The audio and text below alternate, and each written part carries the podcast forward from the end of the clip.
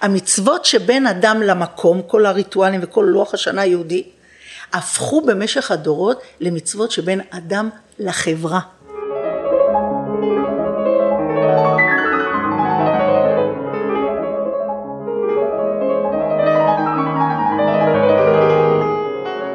ברוכים הבאים לזה קלאסי, אני אסף מעוז. אם אתם מאזינים חדשים, אז כדאי שתדעו שאני כנר רוב חיי, אוהב מוזיקה, ואוהב לשוחח עם אנשים וליצור חיבורים. החיבור בפרק שתשמעו מיד הוא ממש לא טריוויאלי, אבל היה חשוב לי, ולכן פניתי לאישה מרתקת שבהחלט לא השאירה אותי באזור הנוחות שלי לרגע אחד בשיחה שלנו.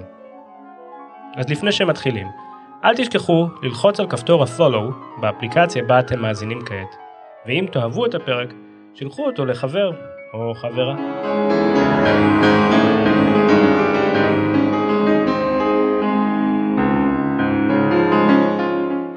אוקיי, אז שמי מירה רז, אני רבה רפורמית.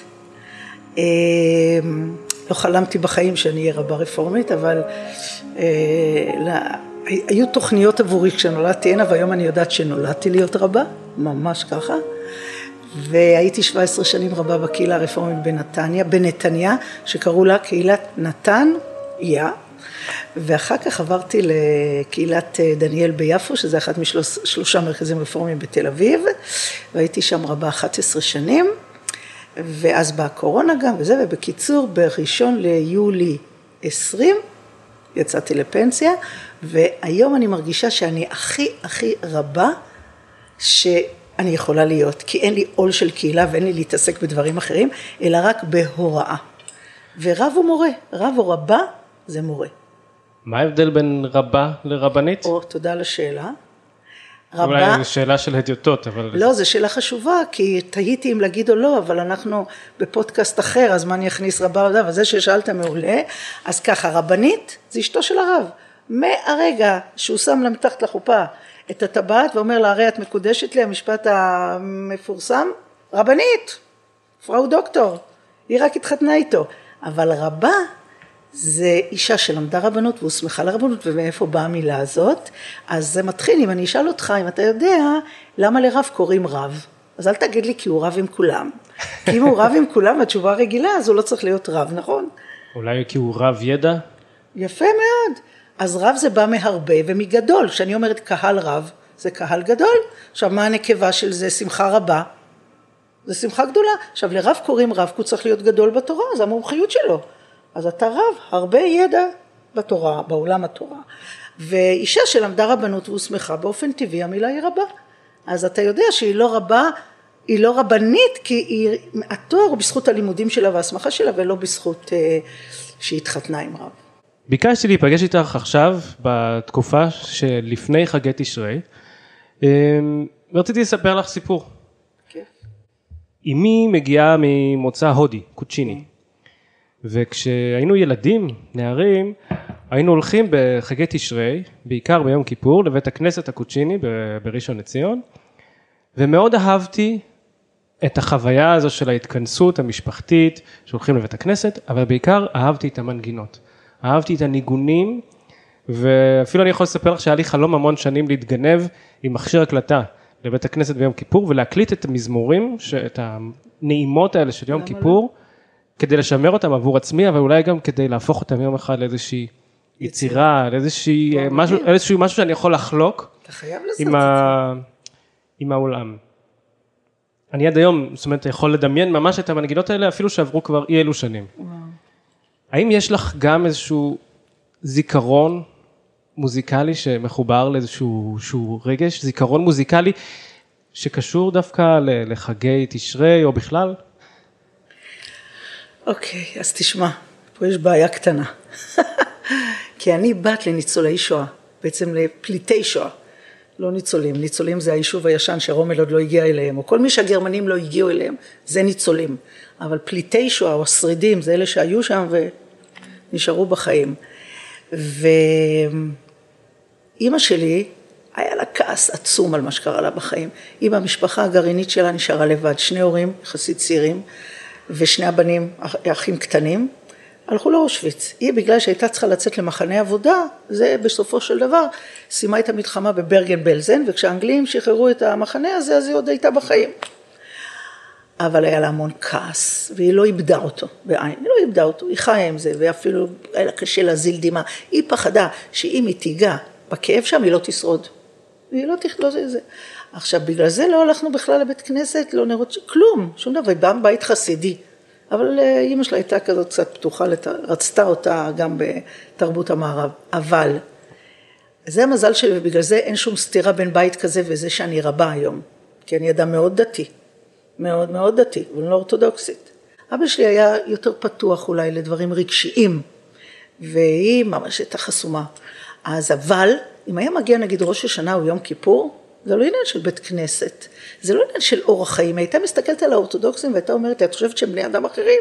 בני אדם בדיוק כמונו. שלא תלכי שולל שכל אחד שיש לו זקן ולבוש ככה אז הוא איזה אדם רוחני גבוה וכולם ישר מקבלים את התואר רב. אז, אה, אז, אז אבל, אבל היא הייתה אומרת לי בואי ניקח ספר ונקרא על החג, מה המשמעות שלו, מה המסר שלו, זה היו בשבילי החגים. ואני באופן טבעי נורא נמשכתי לחזנות. אתה ראית ילדה בת 15 מבית, יעני, חופשי, כאילו אני, מה, אני זוכרת, אז היו תקליטים, ואבא שלי, אבא שלי כנראה גם אהב חזנות, בשבילי זה היה אה, שירת נשמה. אני נורא אהבתי את מהליה ג'קסון, mm-hmm. אני עד היום מתה על גוספל, זה שירת נשמה, ואני הלכתי וקניתי תקליטים של, איך קראו לו, קוסוביצקי, ואני הקשבתי להם, תקשיב, אני הייתי מתמוגגת מזה, לא מבית כנסת, אתה מבין? לא כמו שאתה הלכת לבית כנסת, אבל אני ידעתי שההורים שלי, נגיד היה לי הסבא החסידי שלי, אבל יותר אבא שלי אפילו, שבא מאזור יותר ליטאי, המתנגדים של החסידות אהב את המוזיקה הזאת והוא זוכר איך קוצוביצקי היה בא לבית כנסת שלהם וכשהיו מוצא, מחזירים ספר תורה ושרים חדש ימינו כקדם וקוצוביצקי עם הקול שלו היה כולם הזדעזעו אמות הסיפים. מחדש ימינו כקדם תשמע בגולה הדבויה הזאת שמה לשיר את זה. וזה נכנס לליבי הדברים האלה. עכשיו אין ספק גם אפרופו רוחניות, אני לא אוהבת את המילה מיסטיקה כי זה נראה כזה יותר אה, משהו מסתובב, לא, זה פשוט נסתר, אבל הוא חי וקיים. כמו שהאוויר נסתר ממך, אבל אתה נושם אותו, מה זאת אומרת? אז, אה, אז בשבילי, אני נולדתי עם קשר ליהדות. זה אין ספק בכלל. פשוט נולדתי ככה.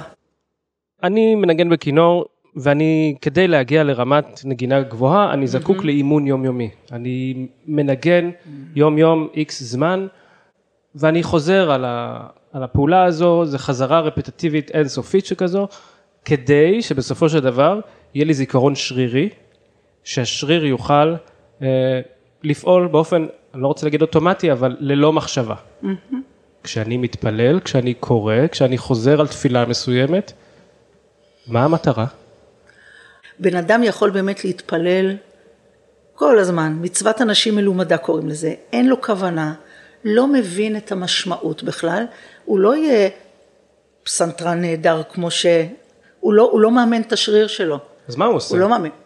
ולכן, מה הוא כן צריך ללמוד? הוא צריך ללמוד את המשמעות של המילים של התפילה שלו. אתה מבין? לא נעשה ונשמע, אלא קוראים לזה נשמע ונעשה. אז אם הוא יבין את המשמעות והוא עושה כושר, כמו שעושים כושר פיזי, אתה אומר אתה מאמן את השרירים, אז אתה מאמן את התודעה שלך. עכשיו מה זה נקרא לאמן את התודעה? נגיד, תראה, אדם שיש לו תכונה, הוא פוגש מישהו והמישהו הזה מה זה מעצבן אותו וכאילו כמו סמרטוט אדום והוא מגיב בצורה שאחר כך הוא מצטער עליה. מישהו, מישהי, סיטואציה, לא משנה. והוא החליט יום אחד, הוא מתפלל, אלוהים תעזור לי, אלוהים תעזור לי, אלוהים תעזור לי, לא עוזר לו כלום. למה? כי הוא רק, זה מהפה ולחוץ, הוא לא, הוא לא עובד באמת בתודעה שלו. עכשיו, איך עובדים בתודעה? נורא פשוט. אתה פוגש את הבן אדם הזה, או בסיטואציה הזאת, ואתה נופל, אתה עוד פעם מגיב ככה. באותו רגע, שת, קודם כל, אתה מודה על האמת שנפלת, אתה לא מאשים את השני, ואז אתה מבקש מחר, תכף, כמה שיותר מהר, לפגוש את ההוא עוד פעם. אתה לא בורח ממנו, ואתה לא שם עליו, אתה אומר, וואו, איך נפלתי היום, מחר בבקשה אלוהים, זמן לי אותו עוד פעם. אתה רוצה עוד פעם ועוד פעם ועוד פעם, עד שאתה עושה תשובה שלמה. מתאים לימינו אלה, מה זה תשובה שלמה? אתה שב למקום שאתה נמצא באותה סיטואציה בדיוק, מה שאני אומרת לך זה הגדרה של מה זה תשובה, גם לפי הרמב"ם. אתה נמצא באותה סיטואציה בדיוק, ואתה מגיב לגמרי אחרת, אתה לא מאמין על עצמך אפילו. אתה אומר, איך זה יכול להיות? אני בסיטואציה הזאת פעם, הייתי מתפוצץ עכשיו. אני מבין זה שלא, אני מבין, כל הדברים שכולנו יודעים במודעות כללית, אבל, אבל זה באמת קורה לך. משהו השתנה, אנחנו צריכים לעשות כושר במחשבות שלנו. אבל כשאת מתארת את זה נשמע מאוד פשוט, אבל לעשות את זה הלכה למעשה זה מאוד לא פשוט. אז נו, אז מה אם זה לא פשוט, ולהתאמן שבע שעות ביום בטופ סנטון זה... זה מאוד לא זה, פשוט, נכון? אבל אני עשיתי את זה כל חיי, אבל, אבל איך אדם עושה את זה? הוא לא עושה את זה, או שהוא עושה את זה. זה בחירה, אתה בחרת להתמסר לזה, יש אנשים, אתה לא מבין, זה שהוא מתפלל זה עוד לא אומר כלום, אנחנו כל כך רגילים שהמסגרת של, של האיך היא, היא הדבר, ובגלל זה בגלל זה קוראים בחברה אפילו החרדית שיש אישה מוכה. מה הבעל שלה לא מתפלל שלוש פעמים ביום תגיד? הוא לא, מה זה שייך בכלל לאיך הזה? מה זה שייך? אנחנו, הכל מעוות אצלנו בראש, תבין, הכל מעוות, מה זה, מה זה בכלל העולם הדתי הרוחני הזה, שהוא קודם כל עולם של מודעות. שכחנו את זה בכלל, גם אין, אין מי שמכוון אותנו. באים כל אלה שמייצגים מהעולם האורתודוקסי, הרי הרי בשבילך מי שמייצג את הדת זה לא רבה רפורמית או רפורמים או קונסרבטיבים, זה החרדים, אלה אותנטיים, או בוא נגיד אפילו האורתודוקסים בבית כנסת של העדה שלך, אבל הם צריכים להיות אורתודוקסים, ובאים ומספרים לך שאורח החיים הזה שמר עלינו, כל הדורות זה רק בגללם, זה רק בגללם, סליחה, אז לא היו רפורמים, למרות שהרפורמה הייתה תמיד, זה שינוי בתוך התלמוד, בתוך התורה שבעל פה, ברור, אבל, אבל אוי ואבוי הגיע הזמן, אם לא היינו ממשיכים מה שאתה קראת קודם את התורה שבעל פה, את היציאה מהאיך הישן ולהגדיר איך חדש כדי שאנשים יתחברו יותר למשמעות. אבל איך הגיעה מירה כן. למקום שבו היא, היא רוצה לעשות אה, טוב או, או, או להועיל לאחר? מאיפה? לא רק לאחר, לעולם, תיקון לעולם. עולם. כי כל, תראה, אתה יודע מה, התשובה הפשוטה זה שתודה אלוהים שלא נולדתי בעולם האורתודוקסי. אוקיי. זה קודם כל. כי לא, אני לא אומרת שהם לא מכירים את זה. אוקיי. אבל בעולם האורתודוקסי קודם כל זה אורח חיים, זה לשרוד, זה, זה, זה קודם כל. הרי מה אכפת, תתאר לך שיש משפחה חרדית, ויש ילדים שמתוך העשרה ילדים, אחד, שניים, קשה להם עם אורח החיים הזה, הם רוצים לאוניברסיטה, הם רוצים בנות, אתה יודע, דברים כאלה. מה היה קורה אם במשפחה הזאת ההורים היו אומרים, תשמעו, יש הרבה דרכים בעולם, אלוהים אחד, יש מודעות, יש מוסר, אתם יכולים להיות אנשים מדהימים, ואני בעד מצוות שבין אדם למקום, אני אוהבת לשמור, אני אוהבת את התפילה, הטקסטים, אני אוהבת את החגים, אני אוהבת שבת, אבל אין לזה שום ערך אם זה בלי משמעות, חוץ מהערך של ההישרדות. המצוות שבין אדם למקום, כל הריטואלים וכל לוח השנה היהודי, הפכו במשך הדורות למצוות שבין אדם לחברה בעולם היהודי, כדי לשרוד. זה כמו שהיום להתגייס לצה"ל או לא זה לא בחירה. אז אותו דבר, לצום ביום כיפור זה לא בחירה. כאשר זה ברור שזה בחירה. אנחנו יודעים, לשקר או לא לשקר זה בחירה? ברור. אבל אם תעצום ביום כיפור או לא, אין בחירה. למה? למה? על שקר התורה אומרת תועבה, כמו שהיא אומרת על משכב זכר, רחמנא ליצלן. המילה תועבה הקשה הזאת, כולם חושבים שזה רק נאמר על זה, וואו, יש עוד כמה דברים שנאמר עליהם תועבה, אבל אף אחד לא מתייחס. בטח מצוות שבין אדם לחברו, כל המוסר, בוודאי ובוודאי שאתה צריך לבחור, כי הפיתוי הוא גדול ואתה לא עומד, אוקיי אז שיקרת, אז, תזה, אז תשנה את זה, אז תזה, אבל מצוות שבין אדם למקום, אוי ואבוי לך, אין לך פה בחירה, למה אתה מוליך את עם ישראל לשמט שאנחנו בגולה, אוי ואבוי, אם היהודים פתאום יהיה להם, אפשר לבנות סוכה, אפשר לא לבנות סוכה, אפשר ככה, אפשר לא ככה, מה, אוי ואבוי, והיום היום כל העולם, כל הציבור החופשי בישראל ובעולם בוחר בין אדם למקום, בין אדם ל... את כל הריטואלים, אבל מוסר, אנחנו דווקא שם אומרים, שם אין לי הרבה בחירה, פה אני צריכה להיות נוקשה יותר, ובין אדם לאלוהים, תעזוב את זה, בין אדם לאלוהים, זה לא בין אדם לחברה, אני אחליט אם אני צמה, אם אני לא צמה, אני... אבל קודם כל חשוב להבין את המשמעות, אפילו אם אני לא עושה את הריטואל, אבל המשמעות הרי כל מצווה שבין אדם למקום, לאלוהות, ניתנה כדי, בפנים, אם אתה לומד את המשמעות שלה, זה תמיד, סליחה, זה תמיד בין אדם לחברו. כל מצווה שבין אדם לאלוהות, בפנוכו, המשמעות שלה, אם אתה מבין, זה בין אדם לחברו. זה הכל כדי, לת... זה אמצעי. כל המצוות שבין אדם למקום זה אמצעי, זה לא המטרה. אתה מבין? ובגלל הגלות הזאתי זה נהפך למטרה, אבל השתחררנו מזה. אבל יש לך את השוטרים של אלוהים האלה, שמכניסים לך רגשי אשמה, שאומרים לך אתה לא יהודי טוב, שאומרים לך אתה לא בסדר, כי מה זה להיות יהודי? זה קודם כל תהיה במסגרת של האורח חיים שלהם. לא דובים ולא יער. מבחינת פנימיות התורה אני אומרת לך את זה, מבחינת מה שאלוהים רוצה מהבן אדם ובייחוד מעם ישראל. אז מי עוזר לי?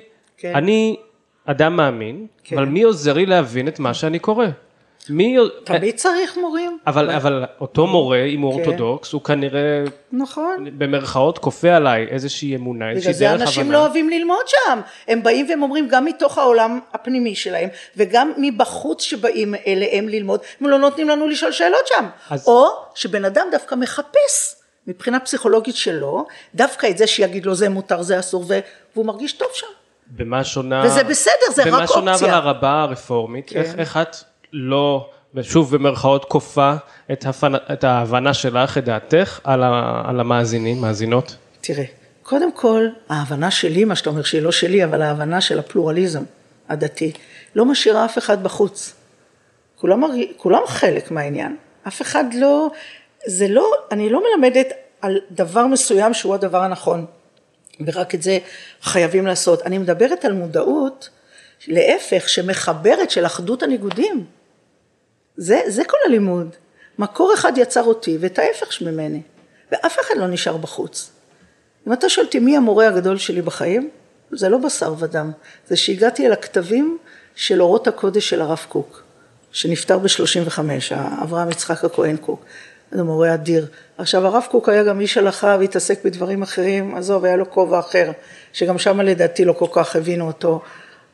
שוחרי אה, דרכו, אבל מבחינה של מודו אורות הקודש, ואתה גם מוזמן לראות את זה בשיעורים המוקלטים שלי, זה מדהים, זה אוניברסלי לגמרי, וכשאנשים, ואנשים מתחברים, עכשיו אני מדברת על זה באופן מוחלט, בשבילי זה מוחלט, אבל אני שם את זה כמו שאתה בישלת משהו, אתה אומר וואו זה מדהים, כולם יאכלו את זה ימותו, אבל מישהו לא רוצה, לא יכול, אני לא מכריחה אף אחד ואני גם לא אומרת לאף אחד שהוא לא צודק, זאת אומרת, זה עניין של, של בן אדם, אבל מה שאני כן אומרת, כן אומרת, שזה מוחלט.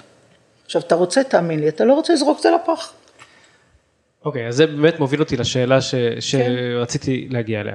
כשאני מקבל יצירה, ואני מדבר כרגע על יצירה קלאסית, mm-hmm. אני מקבל תווים, אני מקבל טקסט. נכון. אני קורא אותו, יש לי את הזכות לנגן את אותה יצירה, אין לי הזכות לשנות אף תו. Mm-hmm. אין לי הזכות לעשות שום דבר מעבר.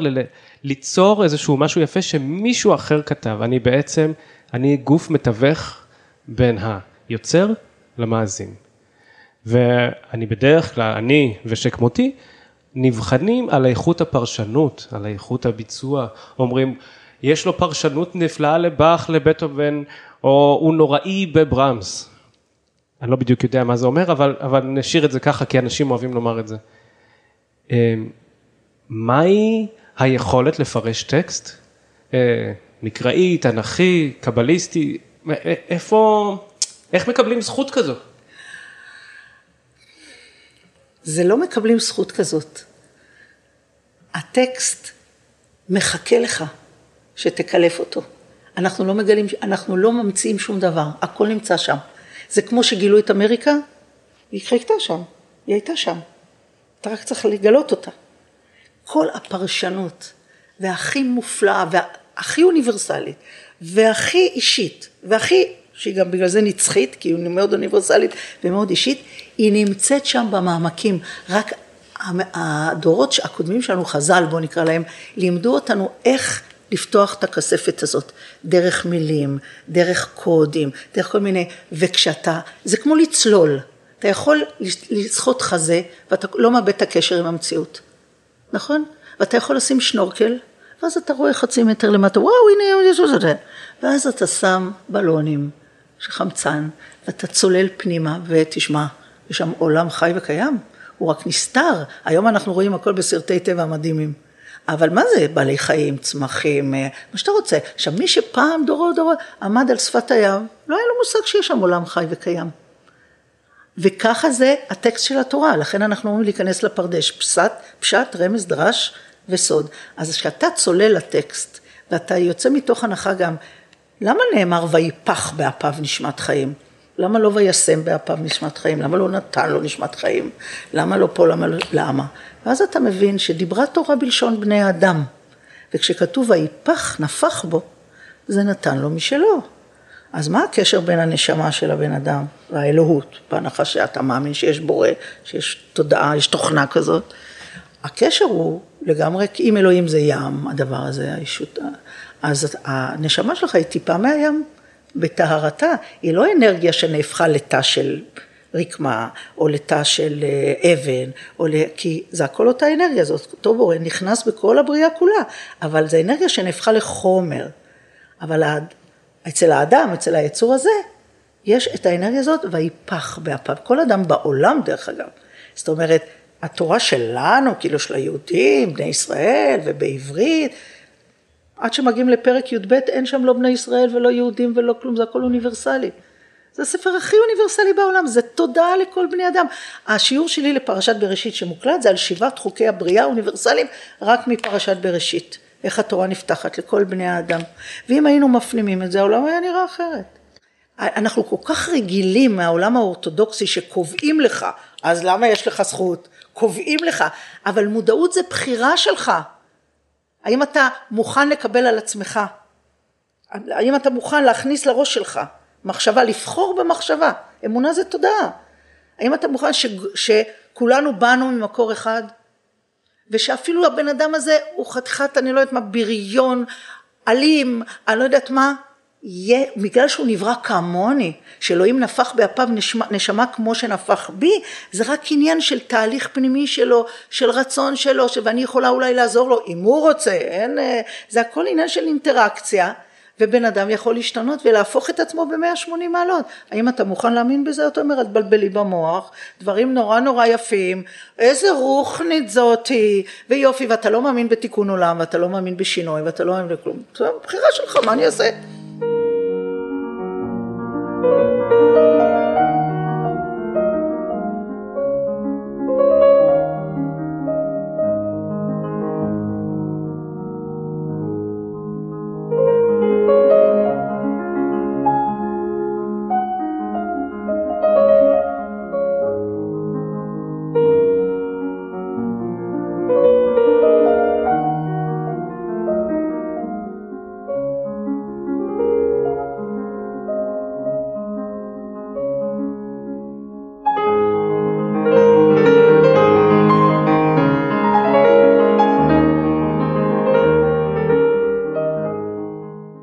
באוסף השנים האחרונות בעצם הגיע מצב, אני חוזר לעולם שלי, לעולם המוזיקה, שבעצם יכולת הפרשנות או יכולת הביצוע התמצאה.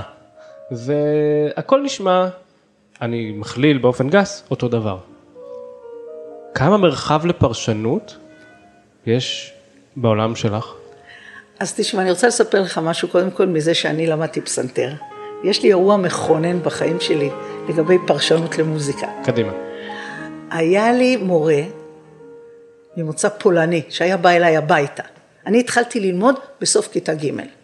באתי הביתה יום אחד והיה לי הפתעה. ההורים שלי קנו לי את הפסנתר הזה, והוא עמד שם. וזה היה סוף כיתה ג' והתחלתי, ואני הייתי בן אדם מוכשר, רצו גם שאני אלך לתל מיילין, אני לא רציתי. לא, הרגשתי שזה לא זה, ואתה יודע איך? כי כשהיו קונצרטים, הידיים שלי לא היו יציבות. האדם שנולד, שהק... שהתוכנית הוא שיהיה פסנתרן או כנר או אלוהים יודע מה, אה, לא כל כך מפחד מקונצרטים. ו... ולא בקונצרט, ניגנתי באמת יפה, סתם, והייתי מוכשרת. והמורה שלי הזה לקח אותי, הוא היה מורה מאוד מיוחד. והוא לקח אותי כל שנה לבחינות בקונסרבטוריון. ואני זוכרת שיום אחד הגענו, אני חושבת שהייתי שנה רביעית, נדמה לי אם אני לא טועה. שלמדתי, והוא נתן לי, הכנו אה, ואלס של שופן, לא זוכרת להגיד לך במה, וזה דה דה דה דה דה דה דה דה דה סליחה על הזיוף, ואלס של שופן. עכשיו, זה היה כנראה גבוה מדי, זאת אומרת מבחינת החומר של אותה שנה, אני לא יודעת זה, מה פתאום הוא נתן לי את זה. עכשיו, אני עד היום יודעת לנגן אותו, זה נצרב לי כי אני בכלל לא אוהבת שופן, ו... ועשיתי עם זה מה שאני רוצה. כאילו רציתי להאיט, זאת אומרת לא שיניתי תווים כמו שאתה אומר, אבל פרשנות זה גם, זה יותר מזה. זה לא רק לא, זה, זה הדבר בפרשנות, זה את הנשמה שלך. זה הסיפור, ואתה יכול לשמוע יצירות, פה הוא קצת יותר ממהר, נראה לך שזה קר מדי, ופה הוא מנגן את זה ביותר רגש, וזה, זה, זה יותר פרשנות. והם אמרו לו, הם באו אליו בטענות, אני ניגנתי את זה כמו שאני ניגנתי, והתחברתי לזה. אבל תאר לך, נו באמת, שנה רביעית, כאילו מה. והם אמרו לו, אני זוכרת, אני זוכרת, כי הרגשתי שאני איתו. שהוא אמר, זה לא משנה איך היא מנגנת עכשיו, ב... זה, זה נכנס היא כל שנה תנגן את זה אחרת, היא תנגן את זה, אבל יש לה את זה, היא למדה את זה, והיא יכולה ללמוד את זה, זאת אומרת, הוא לא נתן לי משהו שאני לא יכולתי. טכנית עשיתי את זה, זה לא נתקע לי, אבל, אבל מה פתאום אתה נותן לה לנגן את זה, כאילו זה, מה זאת אומרת, מה פתאום אני נותן לה לנגן, אפשר לחשוב, כאילו, מה אתה מכניס לי את זה לכיתה א', כיתה ב', כיתה ג', כאילו, אני זוכרת את זה, כי אני אוהבת חופש. אני אוהבת, אם אני, אם אני רוצה לנגן את זה, ואם אני רוצה אפילו לנגן את זה, בפרשנות מבחינת מהר, לאט, זה, זכותי, מה יש? זה, זה, זה כמו שיר, שבן אדם, המשורר, כשהוא כותב שיר, אז נכון, זה כבר יוצא מרשותו, זהו, זה לא שלו כבר. אז למה שזה לא יהיה גם כן עם אה, יצירה כזאת בלי לשנות, בסדר, בלי לשנות את התווים. אבל זה גם, הוא שחרר את זה באיזושהי צורה. אז צריך לכבד את החופש גם של המאזין, וגם של המנגן, וגם של המבצע, אין לי בעיה עם זה. אז איך היית משליכה את זה לעולם שלך? אז זהו, אז בעולם שלי אותו דבר. האדם, גם לפי חוקי הבריאה, האדם, מה הייתה החוויה הראשונה שלו לפי התורה? הבחירה. אלוהים ברא עולם נהדר, גן עדן, עדין, כולם צמחוניים, גם החיות לא טורפות, עולם של עדינות, טיפת אגרסיביות לא הייתה שם. ועדן, בגלל זה הוא נקרא גן עדן, זה קשור לעברית. ו...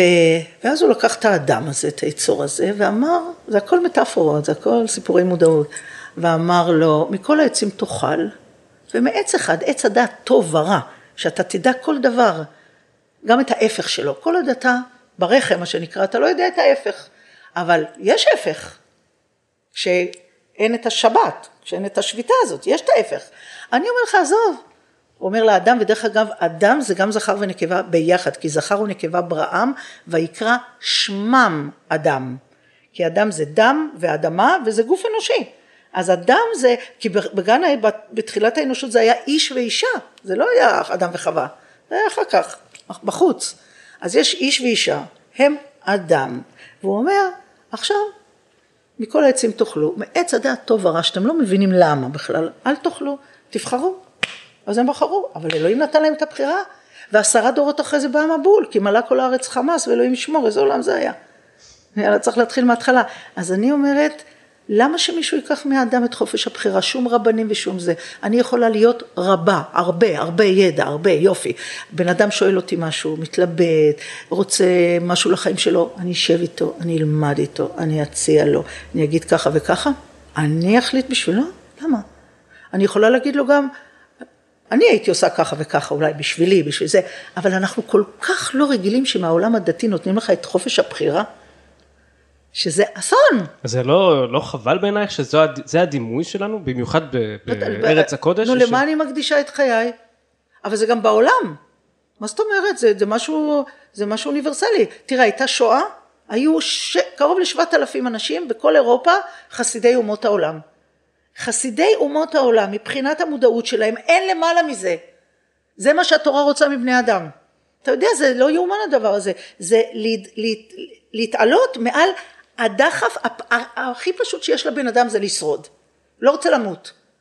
והוא והילדים שלו, למה אם יתפסו את זה, כל המשפחה יורים בהם. מה זה הדבר הזה חסידי אומות העולם? הם בני תורה, לא בני ישראל, כי בני ישראל זה אחר כך, אבל הם התודעה של אברהם. טוב, אני לא יכולה, זה, הם, הם פשוט, זה, התורה רוצה בני אדם כאלה, זה הכי אחדות הניגודים, הרודף והנרדף. שפתאום במקום להיות רודף אתה כל כך מבין את הנרדף ואתה מציל אותו כמעט בחירוף הנפש שלך, זה מדהים. ואני חושבת שמוזיקה, שאנשים מתחילים לבכות ממנה, שמרגשת אותם, זה פתאום הם נזכרים, הם מרגישים שיש להם את הדבר הזה בפנים. שהם כל כך קשה להם בעולם, הם מרגישים את הפירוד, ואת השונות, ואת הקונפליקטים, ואת הזה, ופתאום לוקחת אותם איזה מוזיקה, אני אומרת, זה מודעות ללא מילים, בלי טקסטים.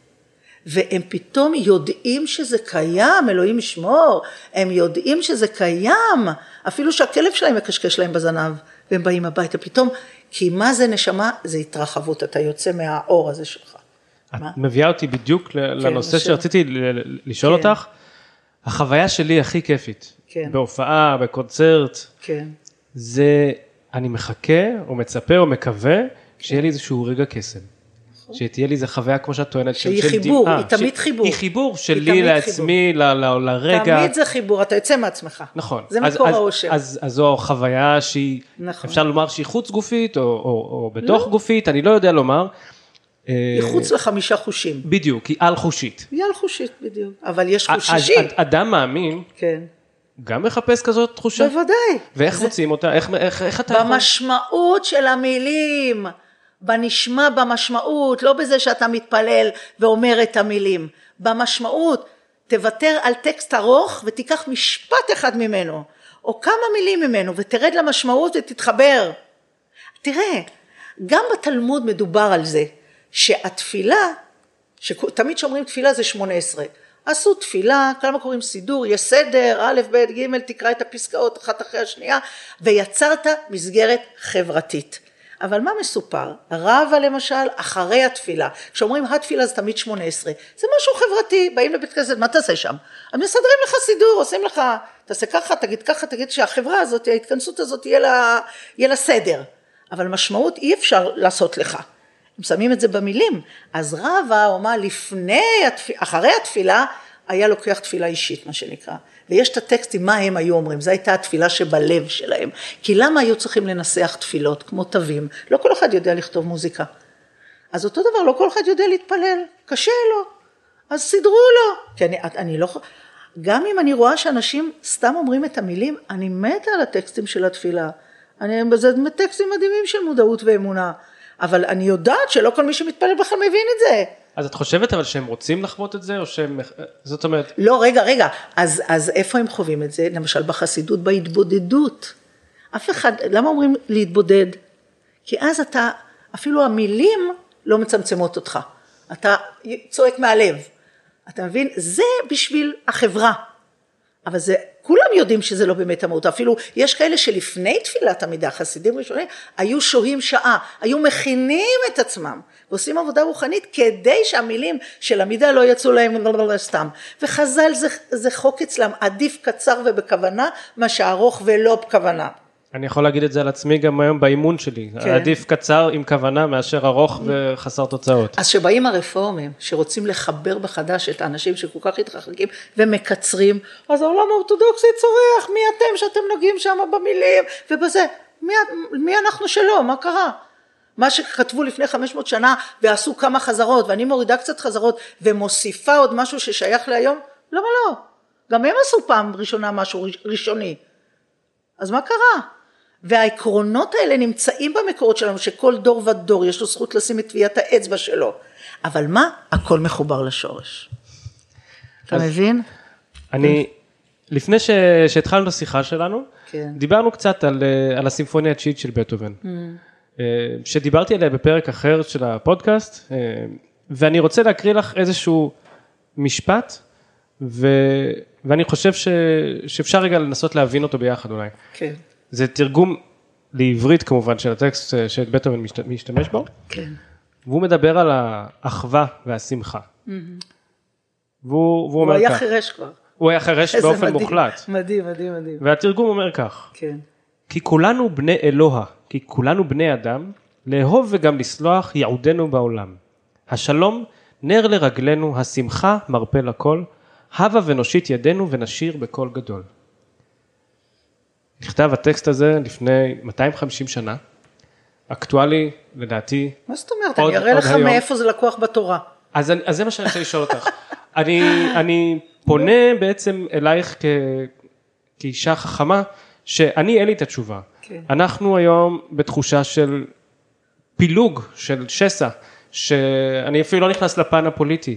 יש אבל אה, חוסר אהבה וחוסר הבנה מוחלט בינינו לבין עצמנו.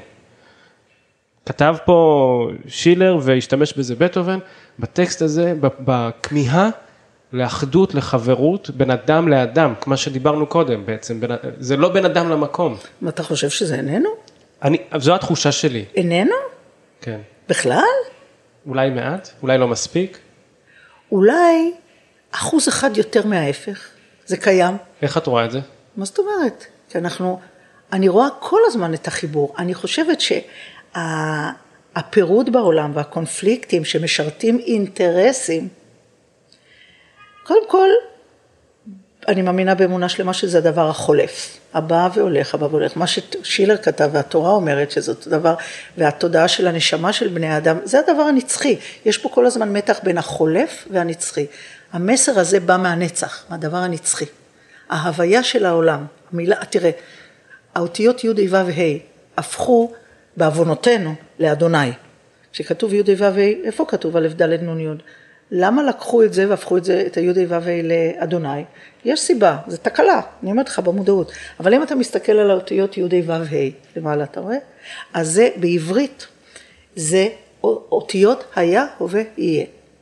אוקיי. Okay. ואם אתה תיקח את הי' ותשים אחרי הו', אז אתה קיבלת את המילה הוויה. וההוויה הזאת, העבר, הווה, עתיד נמצאים בה. היא לא מתחילה ונגמרת. ומה זה הוויה? זה being, נכון? זה משהו. ההוויה שלך למשל זה מוזיקאי. אתה מוזיקאי, זה ההוויה שלך. נכון. אתה יכול לעשות אותו, וזאת ההוויה שלך. עכשיו, וזה, ויש לה שם, מוזיקה, או יש לה שם שזה השם שלך. לכל הוויה יש איזה שם, שם זה גם, זה משמעות. אז uh, יש שם להוויה הזאת. ביום ההוא יהיה הוויה אחד ושמו אחד. וכשאנחנו אומרים שמע ישראל ואומרים שם אדוני זה כל כך חבל, כי מה כתוב שם? שמע ישראל זה תבין ישראל את המשמעות. כי שמע זה תמיד עניין של משמעות, כי אני יכולה לשמוע משהו בסינית ואני לא מבינה כלום, אז מה ששמעתי. אז השמע הוא תמיד, זה לב שומע, זה, יש הרבה מה להגיד על זה, אבל שמע ישראל זה תבין ישראל את המשמעות שההוויה של האלוהות, שאנחנו מאמינים בה, וזה נאמר בתקופה שכל העולם היה עובד אלילים. לכל עם היה אל אחר, והאלים נלחמו אחד בשני, וכל אל רצה להיות ראשון. כי כשיש אחד, אין ראשון, שני, שלישי. אין, יש לך אימא אחת, היא לא מתחרה עם אף אחד להיות הראש, הראשונה. יש מקור אחד, וזה היו פשוט, כל התורה הזאת מתחילה משתי תודעות של אחת של האחד, של אחדות כל הניגודים כביכול שהם בבריאה, מהבריאה, ו, ובדיוק הפוך, שהניגודים והפירוד זה מהות העולם, ופה ושם קצת נחים אה, מהמלחמות ומהקונפליקטים. אז, אז הסיפור, אז זה, זה הדבר הנצחי, זה האמונה שלנו, ואני חושבת שגם אנחנו רואים איך הרע בא והולך, בא והולך, בא והולך כל הזמן. איך שם מתחילה מלחמה, למה אנשים אומרים, כשהיא תיגמר אז, מאיפה אתה יודע שתיגמר? לא יודע שהיא תיגמר. ואיך אנחנו יותר ויותר בעולם המערבי, וזה הולך ומתפשט, מעצימים את התקופות של השלום בעולם. איך? ואיך אנחנו היום נהנים, חלק גדול, כמובן לא כולם, ועוד איך לא כולם, אבל מחופש יחסי ומבריאות ומידע שהיה חסום. העולם רק הולך ומתפתח אה, לכיוון של האחד. זה, כי זה הדבר הנצחי. תמיד זה כמו בריאות, נגיד אתה רואה בן אדם שהוא הזיק, לא נתן, הרס את הגוף שלו, אכל לא נכון על זה וזה, אבל אתה מסתכל עליו ואתה אומר וואלה, אם הוא רק היה מוכן ברגע הזה לתפוס את עצמו ולעשות ככה וככה וככה, ואנחנו נגיד לו, כי יש לנו, הוא היה משתנה. זה, זה, כי זה הדבר הנצחי, זה הדבר המהותי, זה הדבר הראשוני, הקלקול, אז זה, זה בא והולך, בא והולך.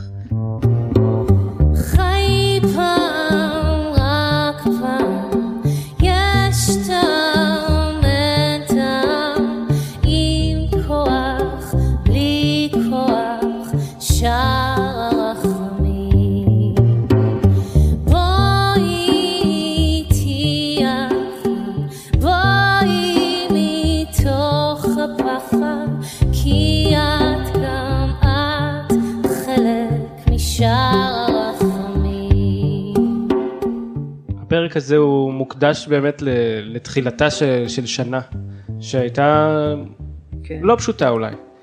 אז אולי היית, לא חשבתי, אבל אולי היית רוצה לתת איזשהו משהו להעניק הלאה לשנה הבאה. ברור שאני רוצה תמיד. מה, אולי את רוצה, את יכולה לשתף אולי משהו, לא יודע אם זה ברכה זה המילה הנכונה, אבל... לא, כמה מילים לקראת השנה החדשה. קדימה.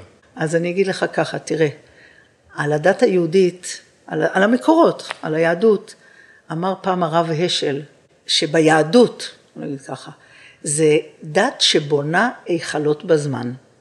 כי מה קורה? מתחילה שנה חדשה, יש פה שתי משמעויות של זמן. יש זמן כרונולוגי שהוא עובר אם נרצה או לא נרצה, הוא יעבור. יש יום, יש לילה, יש עונות השנה, עבר שנה, זה לא תלוי בנו. אבל איך הזמן יעבור, זה תלוי בנו. איך הוא יעבור. אז הדת היהודית, הוא אומר, המסורת היהודית, הארגון הזה של לוח השנה שלנו, הוא בונה היכלות בזמן. הזמן ממשיך, אבל הנה הגיע שבת, אנחנו לרגע נעצרים, עוצרים את הזמן כאילו, ופותחים היכל בזמן, ונכנסים למשמעות מסוימת של השבת, של הזה, ואז עוד חג ועוד יום, זאת אומרת, אנחנו נותנים לזמן משמעות. והשפה העברית, שהיא שפה מאוד מאוד עמוקה, שיש בה ידע ממש בשורשים שלה, תיקח את השנ"ה, שנ"ה זה פועל של שנ"ה זה אותיות השורש של לשנות, אבל לא רק, גם בדיוק ההפך. שנה את תלמודו, שנ"ה זה כמו שנ"נ, לשנן. אז אתה, מתחילה שנה, וכאילו אומרים לך, תשמע, אתה יכול, תסיים את, ה, את השנה אותו דבר, עוד פעם, בסדר, עוד פעם שיננת, אותו דבר, וזה מה שנקרא אין חדש תחת השמש. אבל זה כתוב לאנשים שלא יודעים כמה חדש יש מעל השמש תמיד. כי מתחת לשמש נגמרה הבריאה. זהו, זה הטבע, זה הנפש חיה, נגמר. אבל למה אומרים אין מזל לישראל? במובן שתתחבר למקום שברא את הטבע, אתה יכול גם להביא דברים חדשים ולברוא מוזיקה חדשה, ולברוא מחשבה חדשה, לצאת מאיזה מחשבה שמביאה לך דיכאון או עצבות למחשבה אחרת. אין. וזה משמעות החיים שלנו, תמיד להתעלות מעל משהו שהוא פירוד ועושה לך, אה, אה, מוריד אותך, ולעלות מעל השמש ולהביא כן את השינוי, אבל תמיד השינוי לטובה. אז אני נוהג לסיים את הפרקים שלי תמיד בבקשה לאיזושהי המלצה כן. תרבותית. אני מאוד סקרן לדעת האם יש לך המלצה כזו או משהו שאולי יכול אה, לשמח או לעניין את המאזינים? אני אומרת שאם בן אדם מרגיש שהוא רוצה שינוי לטובה בחיים שלו, הוא מרגיש שלא יוותר. זו המלצה שלי, פשוט שלא יוותר, שלא ייכנע למחשבה אין מה לעשות, זה החיים, ככה זה, כבר מאוחר, אני אין לי מספיק כסף, כל הדברים האלה. שידע שזה רק מחשבה אחת. יש כל כך הרבה עוד אופציות שלא יוותר. אני לא אומרת שזה קל, אבל קודם כל שלא יוותר, ואז שימצא את הדרך. כי יש הרבה יותר מדרך אחת. וזה, זה, לא לוותר על שינוי, ובגלל זה אנשים גם באים ללמוד. תחפש איזה מסגרת, איזה משהו, תחפשי, שאת מרגישה, ותבואי פתוחה ותתני לדברים חדשים לחלחל, כדי שבאמת תעבור שנה ותסתכלי אחורה ותגידי, וואו, עברה שנה, השתניתי משהו, עשיתי משהו לטובה בחיים שלי. לא לוותר על זה, לא לוותר, שום פנים ואופן. יותר טוב מהדרך בה מירה ניסחה את הדברים, אני לא אוכל. ולכן נותר לי להודות לרבה מירה רז על תבונתה. אם יש לכם או לכן שאלות אליי או למירה, אתם מוזמנים לכתוב לנו בדף הפייסבוק, זה קלאסי. תודה רבה לאורית וולף על נגינתה הנפלאה של האימפרומטו של שופן. תודה רבה למאיה בלזיצמן ומתן אפרת על הביצוע המרגש שלהם לשיר שער הרחמים. אם נשארתם עד פה, כל שנותר לי הוא לאחל לכולנו שנה טובה, בריאה, ואולי אפילו קצת רגילה. נסיים את הפרק בפיוט יא שמע אביונח, בנוסח הקוצ'יני. ותודה רבה לדוד שלי ניסים יצחק, שעזר לי למצוא את הניגון. אני אסף מעוז, נשתמע בפרק הבא. יא שמע אביונך,